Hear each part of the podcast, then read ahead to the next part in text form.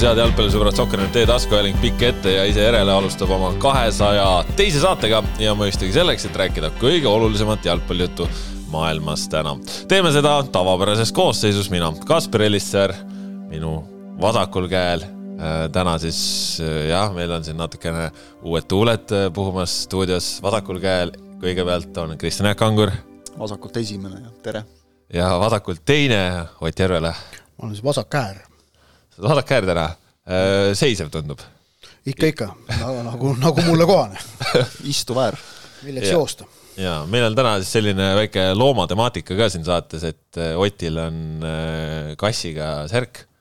mälest-, koroona aja selline mälestusese. jah, kanguril on, mis, mis loom sul on seal siis? peaks vist rebane olema, kui ma ei eksi. rebane ja, ja mul on kalaga plaaster, et sihuke tore, tore sihuke zooloogia äh, saate sissejuhatus. järgmisesse saatesse toome kaameli. jaa äh,. räägime jalgpallijuttu, kaamelitest võib-olla ei räägi, aga, aga räägime. väga lappes sissejuhatus jaa, eelmine kord äh, sissejuhatus oli kakskümmend minti või? No väga lappes. sa oled jälle pettunud, et sa ei saa neid oma kondiitriminuteid teha. ei, mitte seda, mitte seda, mitte seda, mitte seda asjad, head asjad peavadki natuke lappes olema, siis on. vaata, kui me oleksime praegu Inglismaal, siis oleks kõik need, kõik need, no näiteks Inglismaal, ma arvan tegelikult, ma ei ole kursis, kuidas nagu Saksamaal või, või Hispaanias klubide sellised hellitusnimed või on, aga, aga noh, Inglismaal päris paljudel on ju ka veel hüüdnimi seisneb mõnes noh, looma või linnuriigi esindajas on ju, või või milleski säärases või, või on seal vapi peal mõni säärane loom vähemalt või, või mingit muud pidi. et meil Eestis seda ei ole, meil ei ole vist ühelgi kõrgliga jalgpalliklubil sellist konkreetselt seostatavat looma või lindu nendega. jah, meil on Tammetõru on näiteks Tammetaru timm. ei, sorry, tegelikult Pärnu vaprusel karud karu on jah ja,, karu on. vaprad karud ikkagi jah ja., fännid, eks ole. ja, ja, ja. ei no, no me... ai kurat, no pantrid on ka tegelikult, ma hakkan mõtlema, ei ole üldse nii pahasti, jah. aga vaata, kusjuures see on nagu huvitav, et minu meelest nagu need on tulnud äh, nagu fännidelt laienenud klubile. eks, klubid nagu ise ei ole kuidagi kuigi seda... no Pärnu vaprusel ikkagi karu on ju no, jaa, noh, karu on Pärnumaa noh, loom on ju ja, ja ja kogu seda pantrindust ka ju, eks Kalju, kui nad premium-liigasse tõusid kahe tuhande kaheksanda aasta hooajaks, siis nad tegelikult ise vedanud. klubi juhtkond seal väga ikkagi selgelt ju, kuidas öelda, kultiveeris seda või, või külvas no, seda. kuule, nüüd ju Levadial on ju see maskott on mingi lõvi. jaa, just jah, no nimi ja, eks ole. ja Flora, Floral on ja, no, koer Nublu või mis ta on? Pennu ei ole. Pennu vist jah. jaa, aga noh, need, vaata, need on, need, need on jällegi maskotid, mis ei toimi. jah, ei toimi jah noh, noh. kusjuures vaata Levadia oma, Levadia oma selles mõttes võiks nagu toimida, et tegelikult sa nagu vene keeles mõtled, Levadia, Lev, Lõvi, noh, see on nagu hästi loogiline tegelikult, et võib-olla see võtab aega lihtsalt. aa, ta oli, kas ta oligi Lõvi, Lev või? aga nad, noh, nad on, okei okay,, nad on mängupäevadel, ma olen näinud ka, on kohal ja, ja teevad oma tööd ja noh, lastel on ikka tore, et neil ei ole väga olulist no, vahet. peaasi, et on selline suur äge karvane maskott, millega saab pilti teha, mis ongi nagu selle asja nagu üks peaasi, mõte. jaa, peaasi, et ära hirmuta nagu meil mõned siuksed ka. mina väidan, nad kumbki ei ole mitte mingilgi moel praegu osa selle klubi identiteedist. Seda kindlasti, seda jah, et äh, rebaseid meil ei ole, kasse meil pole, kalu meil ka kõrgliigas pole. jah, ei ole. mitte, et see nüüd tingimata väga suur traagika oleks, aga lihtsalt äh, aga kaladele, kaladele kas... kõige lähem asi oli vist, vaata Maardul oli see mingi amööb või mingi ei, kaheksa jalga oli see. aa, Ott, kas sulle tundub, et sissejuhatus läks praegu paremaks või? mõnevõrra, mitte liiga palju, aga no ütleme, väikese, esmalt muidugi sai seal täiega flop itud väidetud, et meil ei ole loomi, siis tuli meelde, et kahel satsil no. ikkagi on tegelikult, on ju. ja võib-olla tuleb veel kuskilt. no see on selline eht ajakirjandus. on Transformer, kes inimene päris pole. kurat, see oli päris hea, jah. mäletan, kui nad tulid selle aastalõputurniiril välja, see oli, see oli ikka niimoodi, vaatasid, ohoh see oli, see oli äge jah, teda on vähe näha olnud kahjuks. see oli midagi erinevat jah. aga jah, see selline hea sissejuhatus, et noh, faktidel väga ei lasknud segada ennast ei no eks meie saade oleks vapiloom siis koerad ikka, et ma arvan, aga jalkast rääkides, siis äh, selles suhtes, et me vist, oota, me leppisime kokku, et me seekord samasugust ei tee nagu eelmine kord, et me võtame kõik klubid ükshaaval läbi, kuigi siin on täiendusi olnud et.... räägime kõigepealt äh, natuke koondise juttu. Ah,, siis räägime koduse liiga juttu ja siis räägime lubatud meistrite liiga juttu ka mm, -hmm. aga no koondiste osas on mitmel rindel, et Eesti naised mängivad sel nädalal Kosovo Jordaaniaga, järgmisel nädalal Põhja-Makedooniaga. Ja ja need siis siuksed eh, treeningkohtumised tulevad, eh, seal ka päris palju puudujaid ühel-teisel põhjusel. Eh, aga mis on siis nagu jälle sihuke ebatavalisemat sorti lüke, et Eesti Jalgpalliliit teatas siis täna ka, et meestekoondis mängib oktoobris Taiga ja see on siis haruldane maavõistlus, mida on viimasel ajal kalendrites olnud ikkagi vähe võitu ja pole ikka väga ammu mänginud Aasia satsiga, et me siin mullu mängisime lõunaameeriklastega Argentiinaga, mäletame kindlasti null viis. null null, Messiga oli null viis. me ei mängi, jaa, Messiga mängisime. et aga noh, see on, et enne MM-i mängisime Argentiinaga, andsime argentiinlastele võidu, enne EM-i varem mängisime Portugaliga, andsime portugallastele võidu, et see on niisugune, et kes tahab tulla mõne kontinendi meistriks, mängige samas kaks tuhat kaheksateist MM-il mängisime Marokoga, neil polnud kasu sellest mitte midagi. Tõsi, aga noh, väike, väike sats ka, mäng oli Eestis, vaata. Et mäng peaks Püreneel toimuma, siis see on niisugune ka varjatud eeldus. aga koondis mängib Taiga siis. jaa, aga no tegelikult ongi, et see, on äh, märkimisväärne, et näeme äh, Tallinnas üle väga pika aja ikkagi mõnda eksootilisemat vastast. ja eksootiline selle sõna nagu heas mõttes, ma arvan, et noh, Tai on minu arusaamist mööda Aasias selline keskmik, peaksid olema selline hea proovikivi Eesti koondisele Äh, noh, kuna Eesti on kodus, siis ilmselgelt äh, selline ootus äh, suurem lasub Eesti meeskonnal, aga Rahvuste Liiga tulekuga kaks tuhat kaheksateist ju jalgpallikalendrisse pea täielikult kadusid ära võimalused maavõistluste pidamiseks või vähemalt maavõistlusteks, mis toimuvad mõne teise Äh, kontinendi esindajatega. ehk et äh, on, isegi kui oled selles väiksemas valikgrupis, siis on ju seal need nii-öelda UEFA poolt korraldatud sõprusmängud sageli need, mida tuleb koondistel pidada. ja, ja noh, ühesõnaga võimalus muude maailmajagude esindustega vastamisi minna on olnud väga napp. vahepeal oli veel ka koroona, mis äh, otse loomulikult ka segas seda erinevate reisipiirangute tõttu ja, ja me olemegi olukorras, et kui see Argentiina mäng välja jätta, siis eelmine mäng mõne välismai, välis, mõne teise kontinendi riigiga oligi vist Marokoga, see kaks tuhat kaheksateist juunis mm -hmm. siinsamas A Le Coq Arena'l enne, enne üle-eelmist MM-finaalturniiri. ja seda on päris vähe, sest et kui me mäletame kahe tuhandendaid ja kahe tuhande kümnendaid ka ikkagi esimest poolt, siis Eesti mängis äh, ja ma ei pea silmas neid äh, turneesid, kas talviseid või neid sügisesi Kariibi merele, äh, Katari või, äh, või Okeaaniasse, vaid just nimelt ka tegelikult koondise akende sees. ikkagi paraja sagedusega. no Ekvatoriaalguinea näiteks siin no, käinud Tallinnas. Usbekistan, Tadžikistan, no kõik erinevaid satse tegelikult oli, kellega ikkagi kohtuti ja, ja selle noh, minule need mängud selles mõttes pigem meeldisid, et nad on, nad olid huvitavamad maavõistlustena kui näiteks maavõistlus Soomega noh mm -hmm., et, et noh, või, või, või veel hullem maavõistlus Leeduga. no mis on, mis on see kõige, mis on kõige, kõige sellisem triviaalsem asi minu jaoks on see, kui Eesti meeskond mängib maavõistluse Leeduga. vaata Läti ja Soomega no vähemalt naabrid, aga Leedu, no vabandust. No ei, no ei ole huvitav, ei ole pinget. ole ettevaatlik, mis sa siin leedukate kohta ütled siin. jah, ei, aga no tegelikult no, ja vahepeal on see, et neid maavõistlusi Leeduga on no. niivõrd palju, et no tõsiselt noh, too jedostai mm. -hmm. ehk et ma, ma ütlen, see minu, minu, minu jaoks see mäng Taiga on väga tänuväärne, et see tuleb ja, ja tegelikult kui vaadata natukene pikemalt äh, nüüd seda koondise kalendrit äh, protsessi, me rääkisime sellest ka mõned saated tagasi, kuidas äh, UEFA poolt äh, otsustatud uus Rahvuste Liiga pluss valiksarjade süsteem seda muudab, et valikgrupid muutuvad nelja või viieliikmeliseks praeguste viie või kuue asemel äh, kahe tuhande kahekümne viiendast aastast saadik. et, et siis tegelikult peaks tekkima ka aastas üks-kaks maavõistluskuupäeva juurde ja, ja ma tahaks loota, et neid on võimalik kasutada just nimelt ka kokkupuudeteks äh, muu maailma koondistega.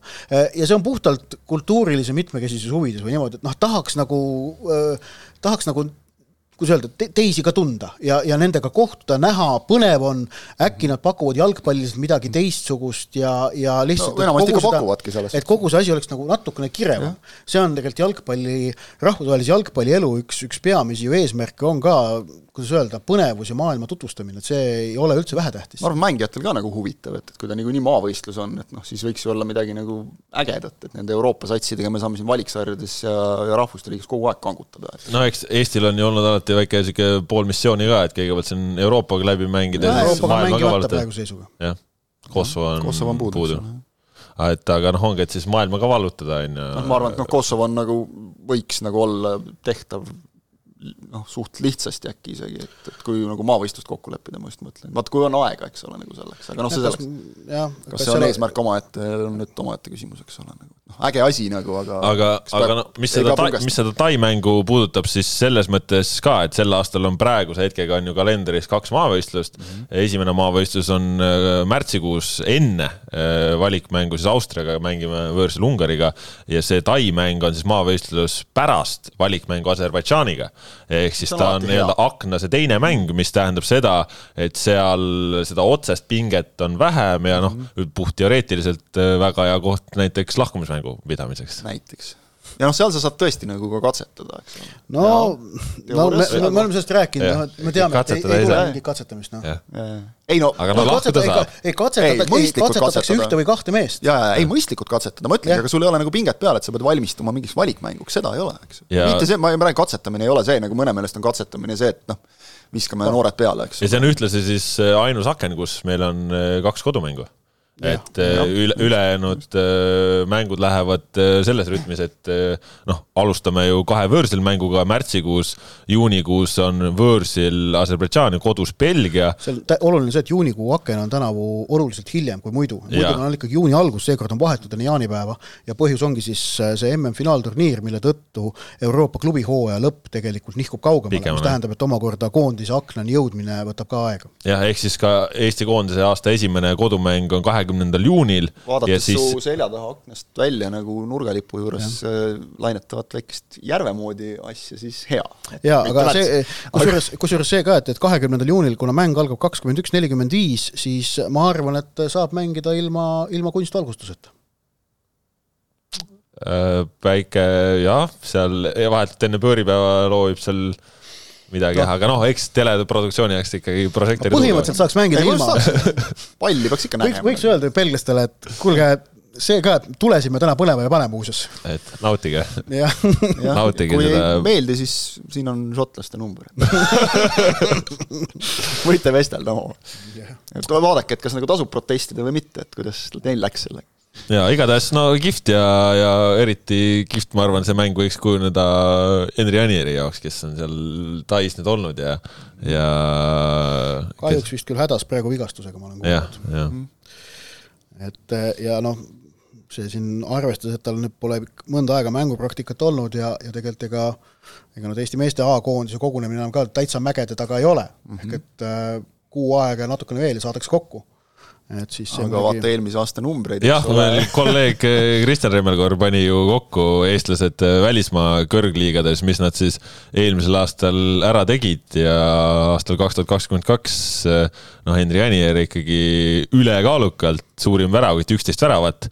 teised ründajad, kes meil koondises ka siin figureerivad, Rauno Sappinen, Erik Sorga, nendel oli siis välismaa kõrgliigas mõlemal üks tabamus, et noh, see no Anier eelmine aasta koondisest ka lõi tähtsad väravad, mõlemas mängus Maltaga võiduväravad temalt, äh, võõrsil San Marino vastu lõi ta ju kaks vist jah, jah, jah, lõi, lõi. et, et noh, ta on, ta on koondise jaoks väga tähtis. tal ei olnud ju vahet, et kas ta alustas või tuli vahetusest, eks ole, et tal no, tuli alati niisuguse hea energiaga nagu.... ja tihtipeale oligi, et, et no ta ei, isegi ei pruukinud alustada, aga ikka oli see, kes asjad ära lõi. ta tuli see... nagu niisuguse mõnusa niisuguse sportliku vihaga nagu peale, et, et see andis kohe uue hingamise, et selles mõttes ideaalne vahetus. ja, ja Tai osas siis võin öelda seda, et, et noh, tahaks loota, et äkki jõuavad ka mõned Tai koondise fännid Tallinnasse, sellepärast et mul on olnud võimalus Äh, siis äh, Londoni suveolümpiamängudel kaks tuhat kaksteist ma sattusin, ähm, ma olin kajastamas Raul Musta sulgpallikohtumist.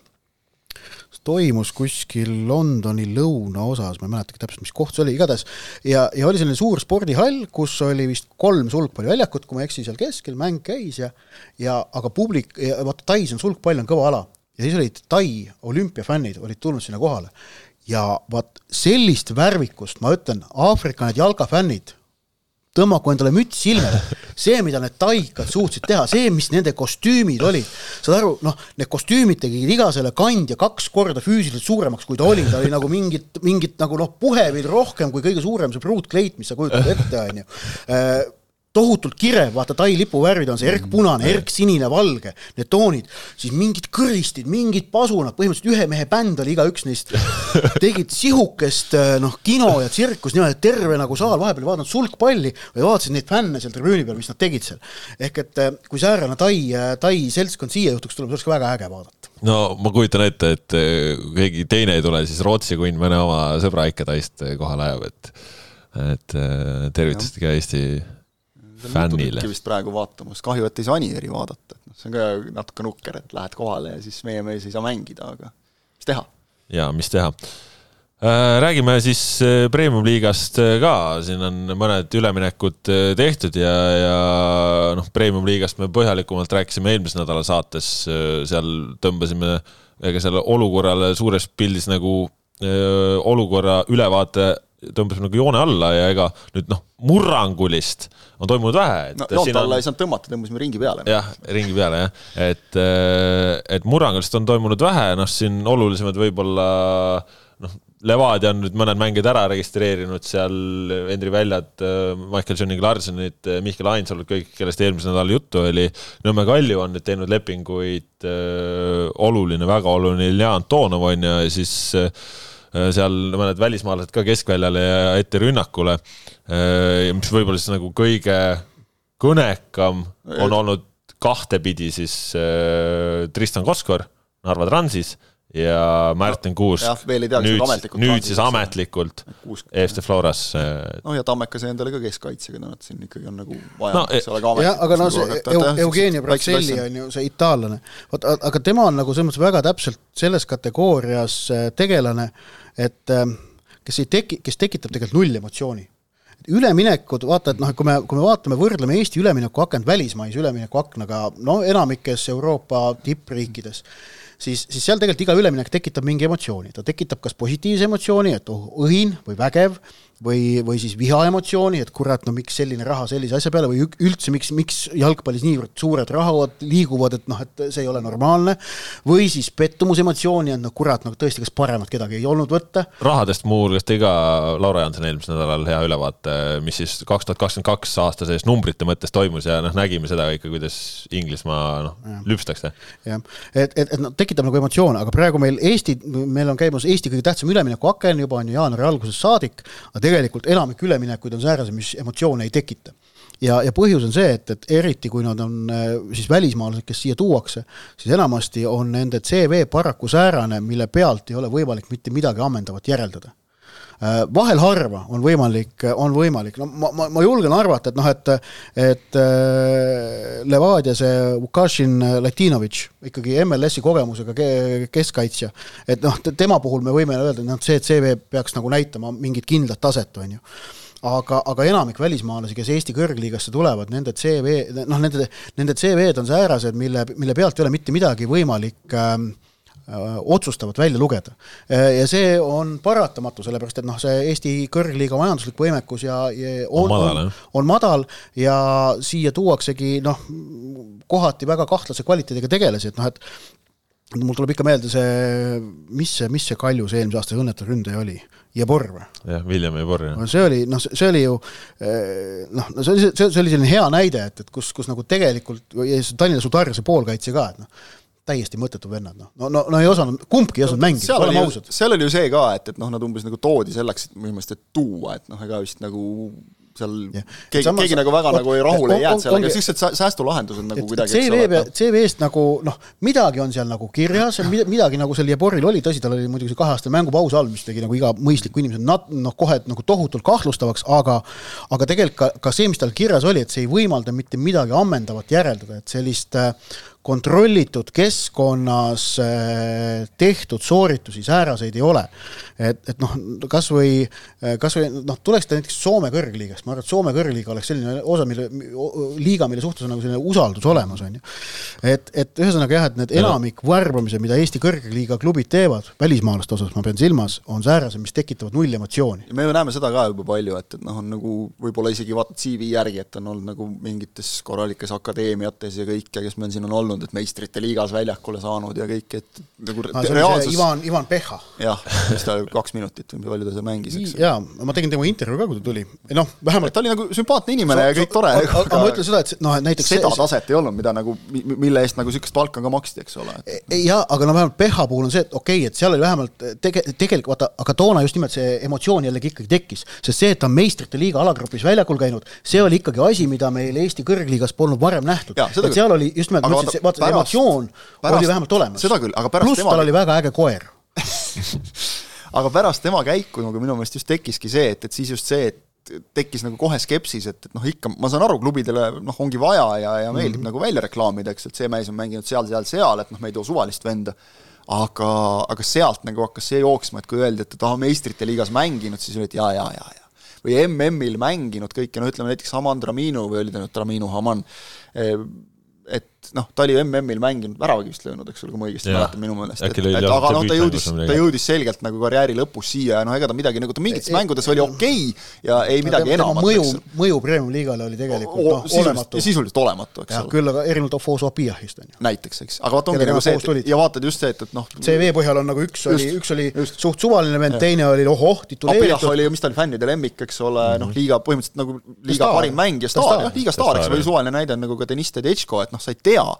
Eh, jah, okei okay,, Ukraina koondises nagu platsile saanud kõik, eks ole, kogenud mängija, sa ei tea, mida ta teeb, aga Tedesco osutus nagu isiksuseks, eks ole, kes noh kultuskangelane. kultuskangelane jah, kui sa tegelikult nagu ta ei olnud isegi liiga hea mängija tegelikult. ei ta aga... ega ta ei teinud head hooaega kaitsja kohta, aga see, et ta lõi väravaid, see, et ta tegi pulli, see, et ta seikles mööda väljakut ringi aeg-ajalt, see, et ta ilmselt oli ja, nagu meeskonna selline... hing, seda oli aru saada, et tema ümber nagu sai meeskonda ehitada ja see tegigi temast nagu ägeda mängija, et, et see CV ei loe mitte midagi. seis on just nimelt see, et vaata, et Tedesco ei teinud eelmine aasta kuigi head hooaega tegelikult mm -hmm. Sportlikult, aga kui praegu Trans annaks teada, et Deniss Tedesco on tagasi, siis see tekitaks emotsiooni.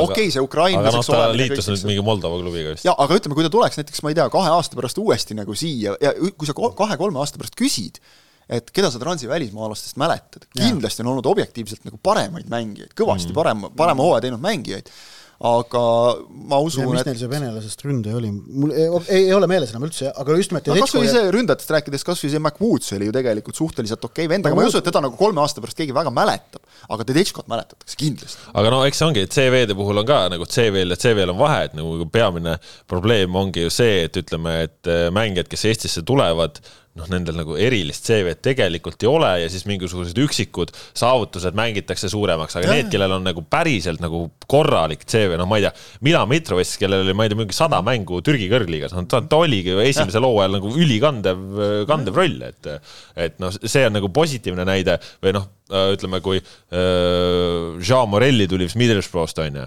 et ta oli, ta oli ka nagu päris mängija no ta et... tuli, et vaata, oligi esimesel hooajal nagu suht okei okay, nagu. no Marel mängis väga okeilt ju. aga samas noh, nagu vist vaatasin millalgi, et ta on kuskil Brasiilias jälle maandunud nüüd, eks ole. Kanadas oli viimati. Ah, Kanadas oli jah, õige, just tema oli Kanadas.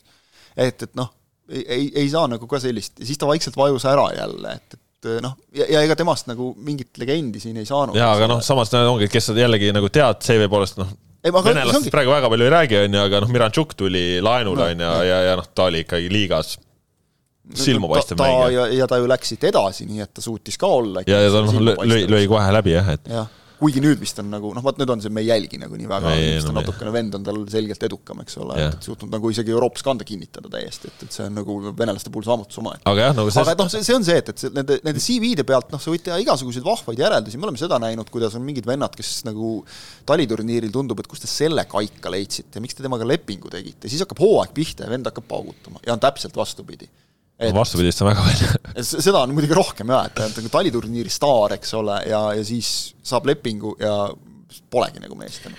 vahepeal viktoriini küsimus, kui Milan Mitrovic kaks tuhat kakskümmend üks mängis äh, Levadia eest, äh, kes oli teine tol hooajal Premium-liigas väljakul käinud Türgi kõrgliiga kogemusega jalgpallur? Pavel Landak. õige. opa kumb kummale tordi toob nüüd järgmine? ei, ei, see oli lihtsalt niisama ka vaatajatele väike sellise no sa said vaatajale võimalust sa lihtsalt vastasid liiga kiiresti ära, vaatajatele ei andnud võimalust. sina ei andnud, vaid sina ei andnud vaatajatele võimalust. seda, seda reede õhtu saadet olete vaadanud, seal on see, et kohe öeldakse ära, et ma vastust tean, aga siis hakatakse, räägitakse minut aega niisama. mul on ka kogemus ühe viktoriini saate, kus peab väga paugutama, jah? ei, mitte paugutama, vaid ei tohi, ei tohi, ei tohi, ei tohi, et vaataja, aga näed. selle nimi on Anti Kuldvillak või? ei, ma praegu olin olin. see kõlab nagu tubli äh, eestlase nimi. olin keskkonnast väljas, vabandust, vabandust, vabandan kõigi kuulajate ees, keda mu tegemine on riivanud ja aga, aga. tallume täna ohtralt igasugustel konnasilmadel, tundub, et on selline saade aga et jah, selle tõttu noh, ütleme vot kelle kohta nagu sa, noh, Märten Kuusk tuli tagasi, siis on nagu selge, et, et kvaliteet. sa näed kvaliteeti, jah? kvaliteet on ju, teame. mis, mis Kuusega, Kuusega on muidugi see, et ma arvan, et noh, võib-olla mõni Flora noorem vend viskas telefoni vihaselt vastu seina, et, et jälle mänguaeg läks. aga, aga noh, Jürgen Enn ütles siin ka viimase kontrollmängu järel, et, et tegelikult nagu nüüd noh, tuleb ilmselt väga otse nagu isegi välja Sokkernetile, et noh, ilmselt tuleb nüüd otsida kellelegi nagu ikkagi laenuks võimalus, et nagu mängi areng toppama ei jääks, et et seal on mõned mehed, kes on juba ikkagi nagu täitsa premium-liigas mänginud ja, ja noh, nagu nii-öelda ei ole isegi piiri peal, vaid on ikkagi nagu esinduse mehed täiesti selgelt, aga, aga on selge, et noh, sa ei saa nelja keskkaitset ei saa panna väljakule. nojah, ja eriti, et nüüd on neil rohkem ka vaata, et neil on seal no, on viis, kuus, kuus läheks juba vähenema. et noh, okei okay,, mõni on praegu vigastatud, aga et noh, meeldis nagu see, mida Henn ka kohe ütles, et ega nüüd nii ka ei ole, et, et Kuusk tuleb ja nagu jalutab algkoosseisu, et see on nagu ainult positiivne. Ah,, tuleb kohe välja võidelda, ei, ei, no jutt, jutt tasandil mulle meeldib, aga tegelikult nagu Seegero ise ka muigas selle peale, et noh, et pean ütlema, et noh, mees nagu väga ära ei tõuseks, eks ole, mida Kuuse puhul muidugi pole vaja karta. aga et noh, selge on, et Kuusk, Pürku mehed on terved, siis on esimene paar, eks ole, siin ei ole küsimust. aga siin... siis on Tõuges, siis on Lipp, siis on Luka, Sepik, Kolobov, et noh, sellel ei saa ju seal, ma ei tea, Marko Lippu ei ole mõtet või, või Markus Sepikut nagu duublis mängitada, et noh, sellel ei ole nagu väga sügavat pointi. aga Flora, Flora jälle siis äh, teist aastat järjest vahetult siin ikkagi hüppelise hooaja eel teeb selle ühe lükke kaitse eelmisel aastal Joonas Tamm ja noh, nüüd kui, kui muidu oli see Flora meeskond oli selline, et noh, ta oli nagu üpris samasugune ja nagu kas me, olnud... kas me just eelmises saates, kas Ott ei öelnud nagu seda, et, et võib-olla mingid küsimärgid on, et kuidas see tagaliinis noh, nagu ja, ja uus väravavaht ja kõik ja siis tuleb kuusk ja siis vaatad, et no okei okay,, korras, et vahet pole, kes seal seisab, et kas on nagu kunagi Eesti jalgpallifännide klassikat tsiteerides, et noh, noormees kinnastega. Et see vist küll oli iseloomustamaks mingi väravavahi väga halba esitust, aga, aga et noh, sisuliselt seal võibki seista, eks, okei okay,, noh, seal on korralikud väravavahid, aga, aga noh, see annab nii palju juurde. et see on ka no, natukene see, noh. see on jaa, liider ka, eks ole, see ka veel kõik, et see on natukene see, miks noh, nagu väga pikalt ei taha nagu jahuda, kuigi me oleme seda juba teinud aga ei taha nagu jahuda selle osas, et mis seisus mingi meeskond on või pole, et, et noh, ongi, et rääkisime kuu enne selle seisu ära, nüüd vaatame siis, kui mängud pihta hakkavad, mis siis on, siis saab ka veel juurde tuua, et ega siis ka kinni ei lähe kõik välja jah, ja noh, see nii nagu Ott ütles ka, et väga paljud mängijad ongi ikkagi sellised CV-ga ka, et noh, sealt ei olegi võimalik midagi välja lugeda ja ja, ja isegi vaatame ja, seda nagu puhtalt, et need Flora noored, eks ole, et kui praegu mõni nendest meie nimetatud kaitsjatest laenatakse näiteks, ma ei tea, Tammekasse või Vaprusesse, siis see nagu muudab kohe tabeli tagumise otsa dünaamikat ka täielikult. absoluutselt. või Kalevisse või kuhu iganes, eks ole, et, et noh, selle tõttu ongi nagu väga raske praegu siin hakata midagi hindama ennast jah, polegi tarvis. E-, Eesti Premium-liiga omapära on see, et ähm, et äh, ikkagi hooaja algus tuleb, e-, esimesed mängud tuleb ära oodata, et siis saab hakata mm -hmm. hindama üleminekute väärtust. eks see on mujal ka natuke muidugi nii, aga meil eriti nagu minu meelest nii on. nii on.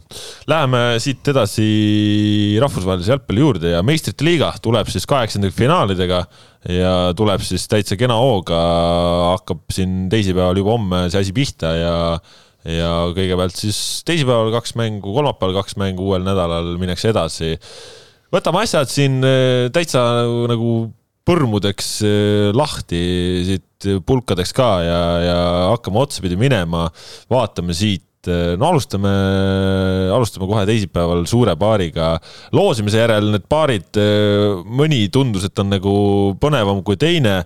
nüüd siin vahepealse aja jooksul on palju vett ka igale poole mujale voolanud. BSG, München, Bayern, eh, väga suur duell ja, ja praegu, kui ütleme, BSG on ikkagi selline, kes jahib oma siis ajaloolist edu, mäletame, kuidas nad eelmisel aastal Reali vastu meistrite liigas oma asjad maha mängisid, siis tegelikult praegu, tänasel päeval BSG käib üpris lonkavat jalga ja vigastustega on ka muresid kui rohkem kui üks. oleks küsinud mõned nädalad tagasi või löönud selle nagu letti, siis oleks olnud BSG-l praegu on, eks ole, Mbappé kaasamängimine on noh, küsimärgi all, kuigi seal Bayerni leer ütleb, et, et rahu nüüd, et noh jutud on toredad, aga mm. et küll ta mängib, kui vähegi võimalik on, noh Messil ka mingi küsimärk, eks ole ja, ja noh, Messi ja Mbappé nagu nendeks, aga, aga BSG on ju kaotanud järjest. kaks mängu järjest. kaks mängu järjest ja Monacole ja Marseille'le. ja, ja vahepeal seal võitsid, aga seal enne seda oli ju ka koperdamisi, eks ole, et et võite nagu viimastest mängudest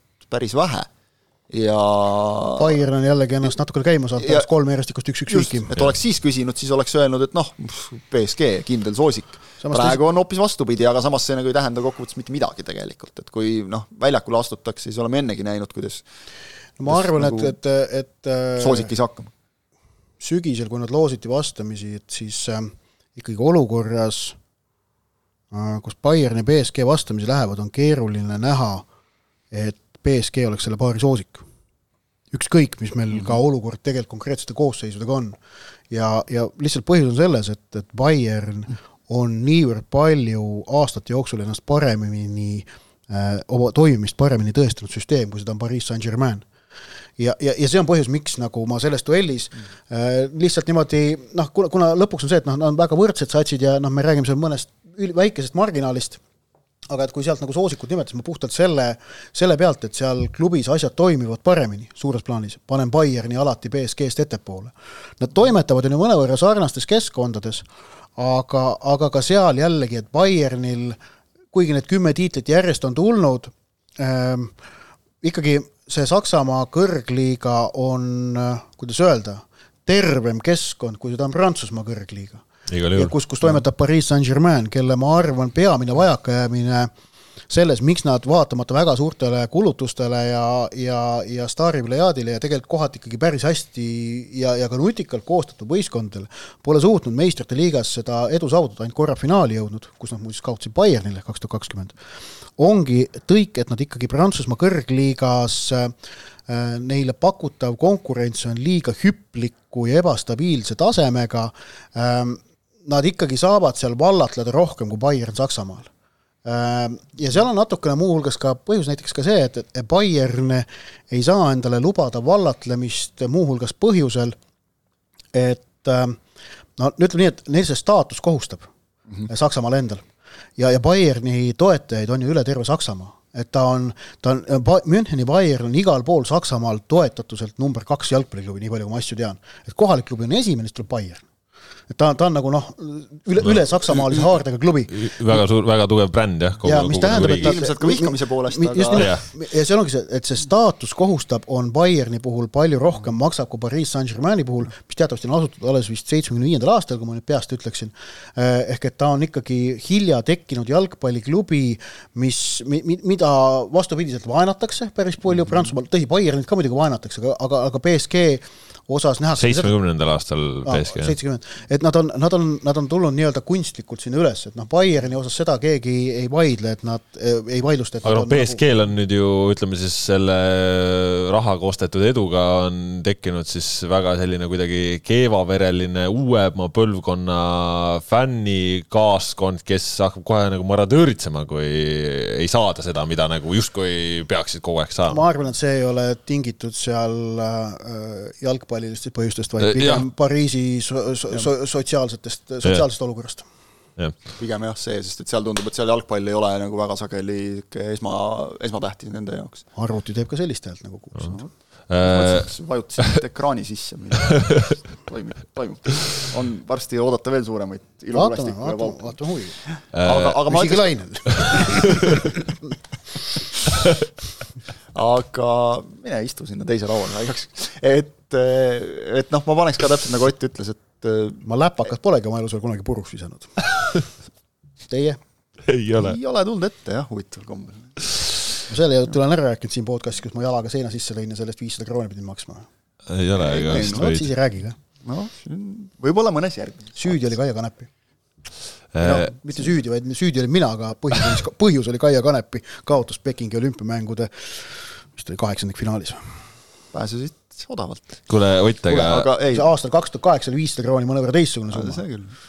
Äh, Ott, sul protsendid ka ikka, ikka ja alati? jah, eelmises podcastis sul oli neljandal, neljandal minutil see, see ma ütleks kusjuures, see oli Otil nagu õigesti öeldud, et nii nagu Saksamaal vaata see viiskümmend üks protsenti peab olema nagu, eks ole, klubist, et, et nagu veel fännide käes, et ei saa nagu kõik rahamehed ära osta seda, et et, et selle, see ongi nagu see, et Bayern jääb selle viiekümne ühe peale veel ikka väga pikaks ajaks, sõltumata sellest, mis väljakul toimub ja tegelikult, kui sa nagu vaatad BSG puhul neid viimaseid mänge, siis noh, ega neid väljalangejaid seal nüüd nii palju ka ei ole koosseisust, aga seal juba mängivad ikka mingid kuueteistaastased kutid ja, ja noh, okei okay,, anname noortele aega ja kõik see, aga aga neil ei ole seda sügavust, mis on Bayernil. ja, ja kuna Bayern on saanud nagu väikest viisi hoo sisse ka koduliigas, siis äh, siis jah, ma ei hakka siin protsente ütlema, aga, aga kindlasti on see suurem kui viiskümmend üks, nelikümmend üheksa, see kaal, et, et see nagu jääb veel tükiks ajaks selliseks, võib-olla igavesti, aga, aga No Bayern on, Bayern on soosik just seda tahtsin, seda tahtsin ka öelda, et äh, kaks mängu, kui oleks ühest mängust koosnev see, aga kahe mängu peale kokku ma usun küll, et Bayern võtab omasid. No teisipäeval äh, ka üks paar, mis äh, sügisel tundus selline hipsterite äh, maiuspala või no ütleme siis mitte nagu esimese järgu fännid, aga ikkagi nagu väga lahe duell, Milan Itaalia meister ja Tottenham Hotspur oma itaallasest treeneriga, aga noh, nüüd äh, ei- Milanil on, Milanil on äh, sel aastal üheksast mängust kaks võitu ja, ja noh, Conte ja noh, Contel on tervisemured ka Conte ei saa väga nagu möllata, et see Just. võtab kohe nagu maha kõvasti. ja, ja noh, see, kuidas Fulham, vabandust, Tottenham on, on, on mänginud siin alustades, et noh, Fulamit nad on võitnud siin ja isegi Cityt üles-alla. korra võitsid no aga ja olid kusjuures mänguliselt parem meeskond, ma ütleks isegi mõnes mõttes selles kohtumises, aga aga noh, siin on ikka no, no nii üles-alla. Leicesterilt üks-neli,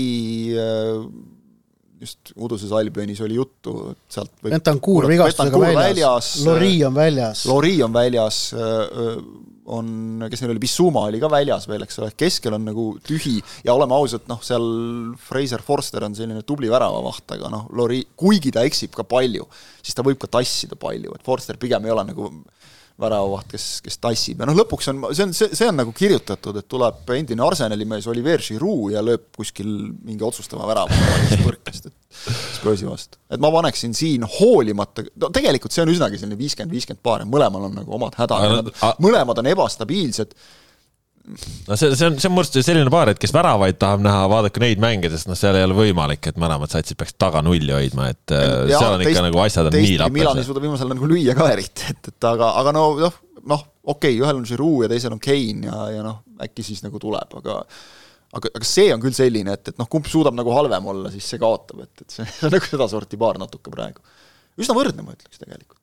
No võrdne jah, mõlemad on koduliigades ka viienda koha peal, aga, aga noh, seda noh, kui oleks, oleks seal nagu võiks arvata, et ikkagi Itaalia ja, ja Inglismaa satsid omavahel, et on nagu jube põnev paar, siis nagu niisugust ažiotaaži praegu nagu on. vaata, kuna mõlemad, nagu kuna mõlemad on mõlemal- jooksnud, mõlemad on jooksnud koduliigas nagu selgelt lati alt läbi Jah. juba sellel hooajal, siis No see võtab nagu maha no natukene. Spursil tegelikult ei ole ju kadunud esineliku šanssi ikkagi, et, et, et aga jah, aga noh, ütleme, nad on ikkagi No vaikselt ehitanud nad on vaikselt ehitanud nagu ikkagi sinnapoole, et, et mitte ainult esinelik, et noh, see on juba siin mõnda aega tagasi kätte saadud, et tahaks nagu veel midagi enamat Jaa, ja, no seda seda enamat ei tule sealt küll kohe mitte, kindlasti mitte, et hea kui esinelikku saavad. see on väga ennustamatu paar, ma arvan, aga jällegi kordusmäng Londonis, ma arvan, annab Spursile kerge eelise. No mis on äh, põnev äh, paar kolmapäeval Dortmundi Borussia ja Chelsea, Dortmund on siis nüüd siin viimasel ajal äh, mänginud väga hästi, Chelsea mitte nii hästi. Dortmund on emotsionaalselt praegu ma ütleks meeskondlikult ilmselt tänu Sebastian Alleri edukale tervenemisele ja, ja ma vaatasin seda, seda mängu, kus ta, kus ta värava lõi, see nii-öelda esimene tagasituleku mäng, noh see oli noh, üks on see, et ta on terveks üks on noh. see, et ta on terveks saanud, teine on see, et, et ta nagu mängib ka hästi reaalselt, tal tal kuuest mängust kuus võitu. Borussia see on kõva. See et, et see, see Bayerni kolmeviigiline seeria, see vaata, see andis neile nagu seda lootust ka, et, et noh, on tiitel püütav täiesti ja selle pealt praegu pannakse hästi, samal ajal, eks ole, no Chelsea Chelsea on, Chelsea noh, et, et seal Chelsea teab muidugi seda, et see on nende ainukene võimalus sel hooajal veel midagi päästa.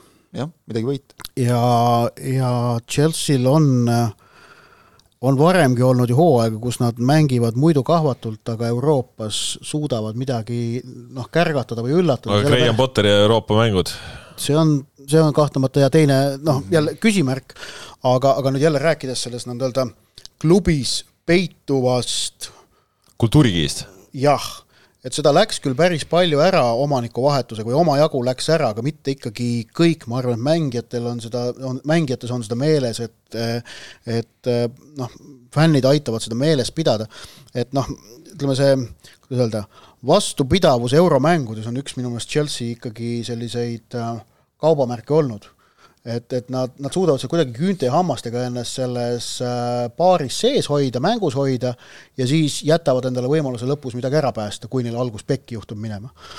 aga, aga noh, siin, siin ei saa ju välistada, et tõesti, et Borussia võtab kodus kaks-nulli ja siis on Chelsea'l väga keeruline. ärme unustame seda, et, et noh, Borussia juba selles paaris nendes kohtumistes väravaid löömata ei jäta, Chelsea'l on ka vaja lüüa. Aga noh, Obama-Yangi nad jätsid üldse välja, eks ole, koosseisust, seda see on Potterile.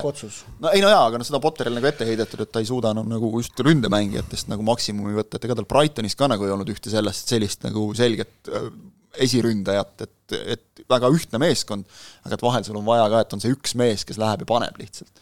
Ja seda ei ole Chelsea'l praegu, et, et neid selliseid, kes lüüa võivad, no neid seal noh, terve sats seal vennad on seal Havertzid, Sterling on kõik mingi viie värava peal enam-vähem. no just, ja noh, Havertz ei ole puhas ründaja, eks ole, tipus teda ei mängita nagu, kuigi on no, mängitav no ei mängitatakse palju ju teda mängitatakse. ei ole muud teha lihtsalt, eks ole, nagu et, et see on nagu, et see on minu jaoks see küsimärk, et, et noh, lüüa seal nagu üks värav nagu mõlemas mängus, noh see ikka kuskilt tuleb, aga ilmselt on vaja lüüa rohkem Dortmundi vastu ja vot see võib olla probleem juba. Aga mis te arvate, et kui nagu Chelsea ütleme, et põrub, lendab välja, kas siis võiks nagu juba uus omanik ka Potteriga hakata tõmblema või? vaatasin kihlveo kontorite Veidi koefitsiente. Chelsea on selge soosik edasipääsule. noh, koefid Borussia kaks koma nelikümmend viis, Chelsea üks koma viiskümmend seitse, see on nagu ma, nagu rumal rumal raha maas praegu kuskil. ja ma ütleks jah, et, et noh, ma, ma näen seal Borussia peale panustamisel selget väärtust, kui nüüd niimoodi öelda. ei, on, on jah. et, et sest et noh, ma ütleks viiskümmend, viiskümmend selle paari jaoks nagu. noh, ma, ma, no, no ütleme noh, okei okay,, Ei, no mõni, ma- mõni protsent siia-sinna, aga, aga ma ei näe, et Chelsea oleks siin selge soosik. mille pealt? ma olen nii julge mees, et ma ütlen kuuskümmend, nelikümmend Dortmundile isegi, kahe mängu Mhm. pealt kokku. Just see, need, nende argumentide pealt, mis ma just enne välja tõin. sest noh, Dortmund, noh tõesti, nad mängivad sees. väga mõnusat hoogsat jalgpalli, nendel on äh, nagu kaitses on väga head tugitalad, Ja, nendel on keskväli on korralik ja nendel noh, eesliin on ju nagu Eesliin on kõva ja- sa ei jõua sinna mehi platsi peale äragi panna. ja ega neil on ka meistrite liiga kogemust on kõvasti, et see nagu neid kuidagi verest välja ei löö, et Chelsea'l on Ei, nagu rohkem see, et, et noh, kui Dortmund selles paaris nagu kaotab, ma ei usu, et keegi nagu väga hakkab seal nagu näpuga vehkima, et hooaeg oleks ebaõnnestunud või midagi. saaks paremini kindlasti, aga see ei ole nagu pettumus, Chelsea jaoks on see selgelt Jaa. suur löök, kui välja kukutakse, et selleks nagu ei toodud miljardi eest mehi kokku või palju nad seal kulutasid, et, et et see võib olla see, mis paneb nagu pinge peale. Ja noh, pluss Potteri vajadus ennast tõestada, ma, ma ei usu, et et veel hakataks teda minema lööma, sest see tun-, tähendaks natukene omanikele vaata selle tunnistamist ka, et panime puusse. Mm., et, et noh, see ma kahtlen, mingi aeg talle antakse, siis sõltub sellest, et kuidas ta seal koduliigas nagu kuhu välja venitab. aga samas vot siin on see alati see, mida Ott ütleb iga kord nagu veel Albionis, kui treenerite teema tuleb jälle üles, et okei okay,, tore, lased lahti, kelle sa asemele tood, Lampardi uuesti või? ei ole neid treenereid ju liiga palju tegelikult, Tuhhel oli, noh, vaba mees, ma ei tea, Rahva Benitez proovitud juba korra, ei ole ju tegelikult võtta, kus, kelle sa võtad? Võtad järjekordse, no on mingi variant, et kui lähebki hooaeg juba untsu, et võtad järjekordse nagu uue treeneri ja siis ta hakkab jälle otsast proovima, aga ta hakkab ju proovima teiste meestega te,, te, teise treeneri toodud meestega. seda reha ei saa ju uuesti lasta üle siin suvel, et, et saadame need kaheksa-aastase lepinguga vennad kõik minema ja toome uued jälle. ei juhtu. nojah, ja siis pigem lase siis, las ta proovib siis, las see Potter proovib nagu, eks ole. Ja kolmapäeval siis teine on, noh, see on siis nagu päris hipsterite lahing. see on ikka täiega hipsterite Klub lahing. Brügge ja, ja Benfica, Benfica, kes on Portugali kõrgliiga tipus ja, ja Klub Brügge, kes on alates oktoobrikuust, noh, tõsi, MM-i paus on vahel, aga alates oktoobrikuust võitnud täpselt ühe liiga mängu, et äh, see on võimalik, et uskugem Scott Parkerisse. ja see oli siis Kevvar Põllumajanduse klubi vastu, ma vaatan, kakskümmend üheksa jaanuar. Jah. suhte Vaargemi võideti jah. viik on, eks ole, vist küll. jaa, metsikult, aga ohtralt, aga, aga noh, vot siin on nagu jälle see, et mõlemal on niisugune noh, suur võimalus. see eluvõimalus, mitte eluvõimalus on Brügel võib-olla, eks ole, et tulid grupist läbi ja nüüd veel selline no Benfica oli eelmine aastal, mis ta oli, veerandfinaalis jah? Lõpuks no no,. no Benfica no, on neil on see niisugune, et noh, täpselt ka, et kui seal nagu lõpetad praegu kaheksandikfinaal, veerandfinaal, noh, see on juba õnnestumine tegelikult, grupist edasi on Benfica jaoks juba õnnestumine tegelikult, meistrite liigas ma julgen öelda. ressursside vahet vaadates, seda, et nad niikuinii igal talvel jäävad mingist põhivennast jälle ilma, kes müüakse inglastele ja peetakse, peetakse tegelikult peenikest naeru, sellepärast et võib-olla see, kellele müüd, mõni ei mängigi üldse nii sada kakskümmend, ei mis see, mis, mis see Fernandes maksis ikkagi? sada, sada pluss on ju. Enzo Fernandes või? sada kakskümmend jah? sada kakskümmend kokku, oli see lõplik nagu, mis nüüd jaotatakse ära kuidagi siin Mm -hmm. aga, aga noh, kui sa mõtled nagu, mis rahade eest need vennad tuuakse, mida sa siis, kuidas sa saad seda investeerida, kogu seda sadat miljonit siis, mis sest, et on aastate peale, eks ole, ikkagi nagu et noh, Benfica jaoks nagu niisugune pingevaba suhteliselt, Brügel on võib-olla isegi rohkem nagu seda, et kuulge, meie suur šanss aga ei no Benfica oli jah, oli, oli ju ka mullu veerandfinaalis ja, ja noh, nad on harjunud ikkagi Euroopas äh, no edukad oleme, Euroopa liigas oldi veerandfinaalis kaks tuhat üheksateist ja, ja noh, siin, siin veel meistrite liigas siin oli veel kaks tuhat kuusteist veerandfinaal, aga Euroopa liigas on ikka päris nagu peaaegu ma, lõpuni välja ma, ma ei ole nõus sellega, et Benfica jaoks on see asi pingevaba, sest et nad on selles paaris soosik, see on olukord okay,, asi, mis, mis nendega juhtub meistrite liiga sõelmängudes haruharva, see on nende jaoks huvitav olukord. Nad on selles paaris selge soosik, nad on kordusmängus kodus, neil lasub surve siit ka edasi minna ja, ja samas on see kordusmäng kodus, jah? jaa, on Benfical jah, mängitakse ja. esimene mäng äh, Belgias. et ma, ma pakun, et see on, et Benfica haistab siin ka võimalust, et noh, et tegelikult on see no, muidugi haistavad. ei, muidugi, muidugi nagu.... ma, ma ei mõtle nüüd võimalust, äh, ma, ma mõtlen, et nad haistavad võimalust poolfinaali jõuda. et, et noh, ütleme nii, et praegu neil on kohustuslik võit ja siis tuleks veerandfinaalis tuleks teha noh, kui loosiga väga ei vea, tuleks pauk panna, on ju mm aga, aga noh, ja, ja, ja poolfinaal, vot see oleks Benfica jaoks ajalooline saavutus juba. ja, ja noh, selles mõttes, kui me, kui me vaatame siis Benfica noh, satsi on ju, Theodosius Vlatšimimodos on seal väravas noh, täiesti no filigraanne värav ka, kaitses Nicolas Otamendi betoneerib, on ju. vaata, kuidas nad alagrupis mängisid, noh, seda oli äge vaadata, selline, see on natukene selline kõik või mitte midagi mäng ka mõnes mõttes ja see, et kordusmäng on kodus, kodus selle hullu publiku toel, eks ole, kui sa võõrsilt enam-vähem viisaka tulemusega ära tuled, siis ma olen kindel, et Benfica on kodus võimeline ikka nagu väga suuri asju ka enda kasuks pöörama no,, kui vaja on. okei okay,, et äh, Darwin Nunes läks Liverpooli, aga Gonzalo Ramos on koha täitnud, äh, nüüd toodi ju talvel äh, Gonzalo Guedes toodi juurde, David Neres on nendel, Shaw Mario on oma kogemustega. Darwin Nunese minekuga no, Liverpool, Darwin Nunese minekuga Liverpooli tugevdati päris mitmeid Premier League'i võistkondi, Liverpool ei ole üks neist et, et ja, ja kusjuures noh, et sa ütlesid Otamendi, aga siis tema kõrval mängib ju see noor Antoni Silva, kes on ka, no ma olen nii palju, kui ma ta näinud olen, mulle väga meeldib. et Benfica on äge sats. et ongi see kohe mingi noor uus kutt võtta jälle, eks ole. aga kokkuvõttes muidugi selle paari suurim pluss on jah siis see, et kas Belgia või Portugali sats on kaheksa hulgas. see on väga nagu meeldiv, et et äh, jah, ja Brügel tegelikult meistrite liigas ju, Brügel meistrite liigas läks ju minu meelest tuletame... alagrupp läks ju ka vaikselt nagu allamäge. ja, ja siis tuletame meelde klubisid, kes ei suutnud meistrite liigas jõuda kuueteistkümne parema sekka, superliiga äh, asutaja Torino Juventus, superliiga asutaja FC Barcelona ja seal oli veel erinevaid. no Atletico Madrid näiteks ja, ja. võib välja tuua. oli ka superliiga asutaja, jah ja. ja noh, seda kus Man United ja Arsenal mängivad hoopis Euroopa liigat, on ju, jah. samadki meistrite liigast üldse, et nii et, äh, nii et selles mõttes äh, see on äge, see on äge paar.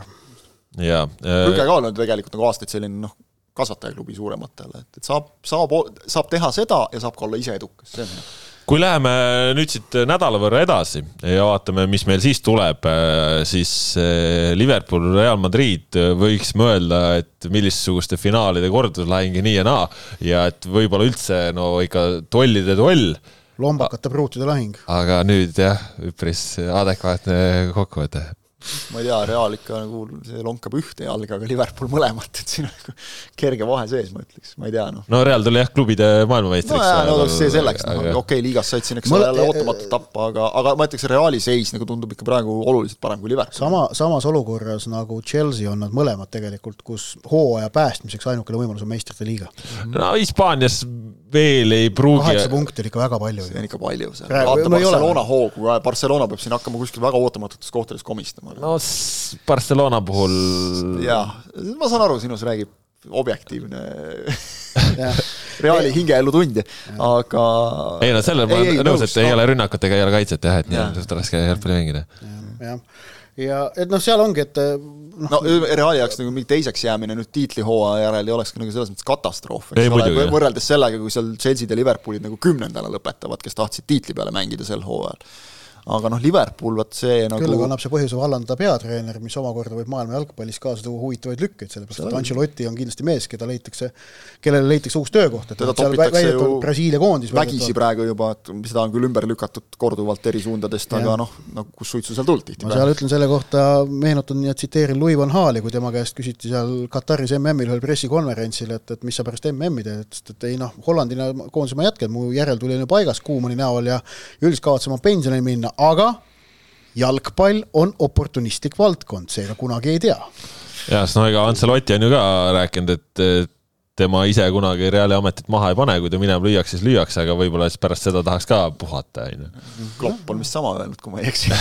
Klopp just ütles ka muidugi seda, et, et tema et ta on täiega motiveeritud ülesehitustööks, tal on leping kahe tuhande kahekümne kuuendani, ei kavatse minna kuskile. Klopp on, Liverpool... Äh, Klopp on viimasel ajal küll vähe närviline olnud, et minu meelest nagu iga nädal on mingi pressikas, kus ta jälle mingi ajakirjanik äh, nähvab nagu, et nagu jälle üks küsimus ei sobi ja teine ei sobi. minu arust nagu. kõik hakkas minema alla käiku pärast seda, kui ta silmaopil käis ja prillid ära kaotas, nagu sealt on midagi on nagu ei tunne ennast iseendana, vaata ja. võib-olla jah, see on. aga siis järgmise teisipäeva teine paar, äh, Frankfurt-Napoli, noh see on muidugi aga mis see protsent, pane protsent ka, siis see on nagu sihuke, sihuke sihuke paar, kus ikka inimene tahab protsente kuulda. kuuskümmend, nelikümmend Realile. on fifty-sixty, mida on käu. arvad nii, jah? Mati Nüganen ütles, ei, ma arvan, et ikka Real on soosik siin selles. aga Napoli-Frankfurt paaris on mingi kaheksakümmend, kakskümmend vähemalt Napolile. aga see on ka punktpaar on, aga no, on, aga... ja, ja ei, seal punk on sellepärast just nimelt, et Napoli pole varem tipus nagu olnud yeah., aga nad on praegu selgelt Euroopa üks juhtivaid võistkondi üldse yeah.. see, mis nad Serie A-s teevad, fantastiline. ma iga nädal kuulan, kuidas Andres Vaher mulle jälle räägib, kuidas Napoli mängis nii hästi ja nii hästi just see, mitte nad võidavad, kuidas ise, mängivad. ma ise olen neid äge. näinud vähem mängimas, ma ennekõike loen on ju nende kohta, aga tõesti, et on võrratu võistkond. ja mulle, mulle meeldis äh, see lugu ka, mis äh, Siim Pulss meil mõnda aega tagasi kirjutas Luciano Spallettist, et kuidas ta Napolist, leiad selle Sokkernetist üles kindlasti. ja siin nüüd, kui, kui see, kui, kui Napoli hoog püsib äh, Itaalias, noh, kus nende tiitel paistab olevat ikka vägagi tõenäoline, ja kui nad ka meistrite liigas hakkavad edasi minema, muuseas, kui, kui Napoli võidab selle paari ja saab vastu Benfica või Brügge vaat see oleks ideaalne veerandfinaal, oleme ausad no.. Äh, siis, äh, siis mõelge, kuidas me hakkame sel kevadel kuulma ja, ja täiesti põhjendatud et Itaalia tagasi või? ei, lugusid Diego Maradonast mm.. Itaalia tagasi ei ole. ei ole, jah. Napoli on lihtsalt hea, aga, aga see Real on noh, no no sa ei saa öelda vaata ühe satsi pealt nagu, et ja. Itaalia on tagasi, vaata ülejäänud. no saab küll ju nagu niimoodi kogu aeg tehakse ju. jah, saab. see kogu aeg tehakse ühe satsi pealt targad inimesed ei tee nii. oleme meie targem. jalgpall ja targad inimesed. ei, ei see jah, seda muidugi. ei tehakse, jah, nõus, nõus, muidugi tehakse. hea lihtne järeldada, tegelikult on Itaalia olnud siin ütleme viimase kümne tosina aasta lõikes pigem seal Prantsusmaaga samal pulgal, ma ütleks isegi, kui sa niimoodi hakkad juba vaatama, kui me vaatame nagu eurosarjades äh, väga selgelt nagu mitte emotsiooni pealt, vaid statistiliselt, kui palju võistkondi jõuab sinna päris lõppfaasidesse, ütleme veerandfinaali, kuskilt veerandfinaalide pealt tuleb selge joon vahele nagu.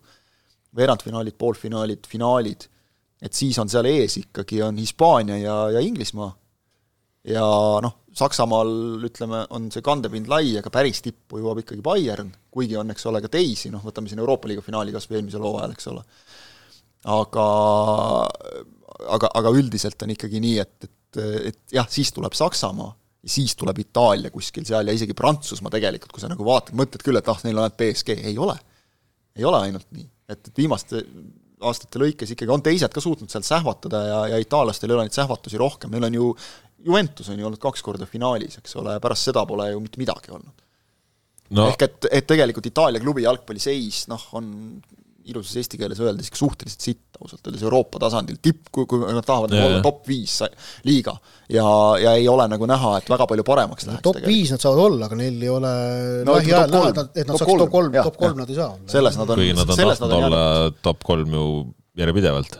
aga noh, nad praegu on no ikkagi Hispaania ja Saksamaa mõlemad on ees neist noh. ja, ja Prantsusmaaga madistavad. no Hispaania niikuinii ju ees. ei no Hispaania on kõigist ees, eks ole no.. ei no Inglismaa on kõigist ees.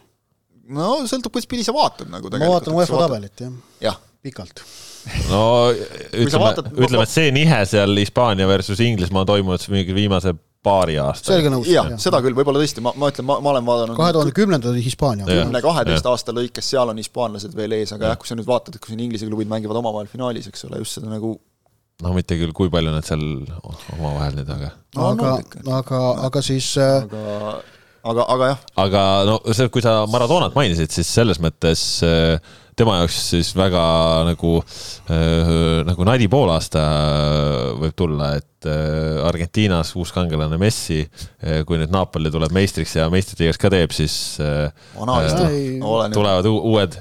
vana istub pilve peal muheleb, sobib talle väga hästi ma ei usu küll, mingi sellist asja on jah. Maradonat sul ei unusta keegi, Brasiilia, Brasiilia võib kümme korda maailmameistriks tulla, kõik ütlevad. ei, ma ei ütlegi, et unustavad, lihtsalt nagu ütleme, et ka noh, et kui, nii nagu Argenti-, Argentiinas on praegu nagu faasinihe kerge toimunud, noh siis ka Napoli võib saada omale uued kangelased. aga sul on probleem selles, et kui sul faasinihet ei toimugi, siis oled sa nagu Ungari kellel ongi, kellel ongi maagilise madjaga yeah.. ainult ajalugu, ainult ajalugu ongi jah. või ma ei tea, siin Austriad, eks ole, siuksed nagu, kes olid kunagi tipus ja nüüd siiamaani, et me olime, me olime, tore, aga noh, see oli sada aastat tagasi. aga jah, igatahes Osimen ja Kvaratskhelia kindlasti mehed, keda tasub nagu väga pingsalt jälgida et.... see on ka kõva, et tuleb lihtsalt mingi grusiin ja lööb läbi nagu, et see noh. Leipzig, Man City uh,, Cityle kaheksakümmend viis, viisteist tänase päeva City ka või? no eile oli päris hea. tänasel päeval Cityl on kolm punkti eilsest Tottenhamile kaotasid jaa, olid kehvad, aga muidu nad on see Haalandi ju... katkimineku jutt, see on ka niisugune jutuks hea, et, et küll ta, ma arvan, mängib Arsenali vastu ja mängib seal ka. Leipzigil jah, viimased äh, paar mängu on aia taha läinud, äh, mis on siis nagu tead, nad, kui nad oleks viimased mingi kolm-neli järjest võitnud ka, siis võib-olla kaheksakümmend viis, viisteist, siis ma ütleks, ma ütleks siis võib-olla, et no kaheksakümmend, kakskümmend siis Cityle nagu, et, et noh, see ei ole see faas, kus Peep Guardiola veel mõtlema hakkaks. Ta, ta, kuna ta siin ei mõtle, et siin mängitakse automaatikaga, siis on kõik korras. et praegu vaata, isegi kui oli mingi väike niisugune kõikumine natukene võib-olla selle Tottenhami mänguga, et noh, nüüd jälle ikkagi esimese poolaega lihtsalt Aston Villast, kes on tegelikult selline tubli Premier League'i keskmik, nagu tuimalt sõideti üle lihtsalt okei okay,, mingid kohtunike otsused võib olla nii ja naapidi, aga, aga noh, tegelikult mängulist lihtsalt sõideti üle. Cityl on see käik olemas, et nad on küll sel hooajal, ma ütleksin, seda üllatavalt vähe suutnud kasutada. aga noh, neil on see käik ja kui sul on Haaland ja kui sul on noh, sul on nii palju vendi, kes kunagi ei tea, kes võib mängu teha sel päeval. võib olla Mares, võib olla Bernardo Silva, Gündogan, kes isegi alati, ei mahu alati kõik algkoosseisu koos, eks ole Riyad Mahrez, seal võib Phil Foden isegi nurgast tulla. tegelikult nagu. selle järgmise nädala kolmapäeval, see põnev on ikka see Inter Porto. mulle, mulle meeldib lihtsalt Leipzigi puhul tegelikult nagu nendes selline eh, peitub potentsiaal, nad on ikkagi võrdlemisi noor võistkond, eh, seal on nagu hästi palju ägedat, aga, aga muidugi see, et kui liidrid, noh, kasvõi siin Peeter Kulas ongi nagu vigastusega väljas, siis see kahtlemata nagu mõjutab ja mõjutab eh, päris tugevalt, aga noh, lihtsalt sihuke, no nagu sümpaatne, äge sats, et seal on nagu mingid. põnev sats, aga. Forsbergid, Šoboslaid, Šlagrid, Laimerid. võistkond, aga Man City on vastas, selles on nende häda lihtsalt. mõne teise vastase vastu oleks neil. aga ärme unusta, Leipzig ju on käinud ka ära tipus peaaegu, et. nojah. see oli küll koroonaaeg, aga. poolfinaalis, oli poolfinaalis jah. jaa, aga vaata jällegi koroonaaeg, üks mäng, noh, asju juhtub. kahe mängu kokkuvõttes mm ei noh, see on. muidugi noh, City puhul ja Guardiola puhul nagu välistada kunagi ei saa, et, et kuskilt leitakse see jahipüss, millega jalga tulistada jälle mõlemast rauast, aga aga ma ütleks, et see ei ole veel see faas, et seal tõesti nagu mängitakse nii-öelda nagu sa ütlesid, autopiloodil. jaa, aga no siis Milan ja, ja Porto. see on põnev paar. see, see on, see on, ma ütleksin, täitsa selline ikkagi ennustamatu paar ka. mõlemad mängivad praegu, vaatavad mõlema liiga vormi, see on hea mm. -hmm. noh ütleme jah, see no Porto lausa eriti hea. jah, võiks nagu noh, et ütleme no, Itaalia, Itaalia kõrgliiga, ikka Portugali kõrgliigast on tugevam keskkond, seal nagu mingit vaidluskohta ei ole, et see peaks nagu Interile eelise andma. Porto viimane kaotus kakskümmend üks oktoober, kõikide sarjade peale vahepeal on siin samas... Atleticot võidetud ja nii edasi. Portugali klubid on, teevad igal aastal keegi teeb samas Portul on ju just nimelt viimastel hooaegadel üldse, viimased mingi viisteist aastat, noh tohutult äh, ikkagi kõva meistrite liiga CV ette näidata mm. -hmm nii et äh, ma vaatasin äh, jällegi, soosikuks edasipääsule peetakse Interit, aga Portul on teine mäng kodus Dragaol. nii et äh, Estadio Dragao võib, võib nad siit ikkagi edasi viia. arvad, et võib täitsa edasi ka viia või?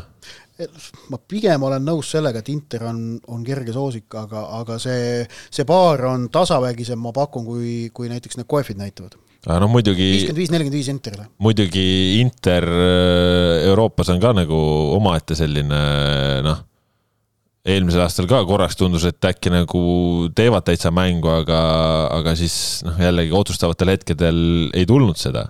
Mm.. et noh, seal vahet pole siis, et kas nad kaotasid seal äh, Äh, kas nad kaotasid seal Realile või, või Liverpoolile või, mis iganes, et noh, siin sel aastal ka ju Barcelona vastugi oldi nagu väga-väga teemas, aga noh, okei okay,, said edasi, on ju, et, et, et seegi siis vähemalt hea. noh, Porto puhul see tänavune eurohooaeg on ju noh, okei okay,, see Club Brugge, see meeletu saun, noh, see oli totaalne ebaõnnestumine. aga, aga kui see välja jätta, siis noh, ülejäänud mängud võidetud, noh. Sakslaste Leverkusenile panid ära, noh, pärast ju võtsid Brügelt ka revanši ja noh, Atleticule. ei, noh, jällegi Interi puhul võiks ju ka öelda, et kui nad sealt grupist edasi tulid, eks ole, nagu Barcelona selja taha jätsid, et noh, oleks siis kohe hakatud play-off'e mm. mängima, et siis sul on nagu entukas, noh nüüd see ei maksa enam midagi nagu, eks ole, siin on mitu kuud möödas ja käinud asjad noh, väga Interi jaoks ka üsna üles-alla mm., et aga võrdne paar. ma ei hakka protsente ütlema, et noh, või kui vaja on, siis ma ütlen selle viiskümmend, viiskümmend nagu välja täiesti, et siit on küll minu meelest väga raske ennustada. no Inter, Inter võib-olla siis no, võib-olla väike soosik mm., aga noh, mis see nagu maksab nii väga, eks. mis see maksab? no igatahes äh, pane veelgida äh, Euroopa tippjalgpall tagasi siis äh, sellest nädalast ja siin kaks nädalat jutti nüüd saab neid mänge nautida. Et siis on jälle teistmoodi vaheldus siia, vaatame siis. ja, ja tõesti nagu Euroopa liigas ja isegi konverentsi liigas sinna jagub nüüd ka selliseid päris huvitavaid duelle, jah ja.? et noh, Euroopa liiga oma muidugi see Manchester United Barcelona tõenäoliselt, aga suur Euroopa lahingutell Euroopa superliiga. Euroopa superliiga. Mm -hmm. ärge nimetage seda Premier League'i superliigaks, et selles mõttes see raha on seal palju, aga superliiga probleem ei olnud mitte palju raha, vaid palju lolle ideid et, et seal nagu oli rohkem see, et Inglis-, Inglismaal siiski endiselt on veel võimalik nagu ka, nagu see hooaeg näitab, väga suurtel klubidel välja kukkuda ja, ja noh, ega siin teisi liigasid on ju ka, kus seal suured Sevilla seal maadles mudas kuskil Hispaanias, eks ole, suured võivad pudeneda nagu väga kiiresti, see on ainult tore, et, et noh, näitab nagu seda, et ei saa ennast liiga kergelt Saksamaal on ju ka olnud nagu suuri satse, kes on seal kangutanud täitsa ja, et, läbi häda ennast püsima kuidagi. et see, selle loogika kohaselt äh, premium-liiga on rohkem superliiga kui Premier League, et meil see väljalangemine on raskem. Jah, kindlasti. Kindlasti vot, aga siit ongi paslik need jutud tänaseks kokku tõmmata, selline oli pikk ette ja ise järele kahesaja teine saade. millised on jutud uuel nädalal, eks seda näeme juba siis, aga selge on see, et meistrite liigat puudutame ka siis ja nii ikka ka kodust jalgpalli hooaeg läheneb mühinal ja juba veebruari lõpus superkarikas Eestis käima läheb ja märts tuleb, siis algab ka liiga. tänast saate teine Kaspar Elisser, Kristjan Kangur Ott Järvela, täna siis äh, olime teistpidi istumisformatsioonis, ilmselt uuel nädalal jälle niipidi, tea. saate teeme nii, et me oleme rak-, lakke riputatud kõik. siis me oleks äh, mingi nagu Winny Puhh no,. nagu Winny Puhh just, ma just öelda, sinna ma sihtisin. tervitused headele inimestele. meie kandi mees, üks Korsakov läks eile Lätti. jah, on ka teisi häid laule, vot siuksed jutud täna, adjöö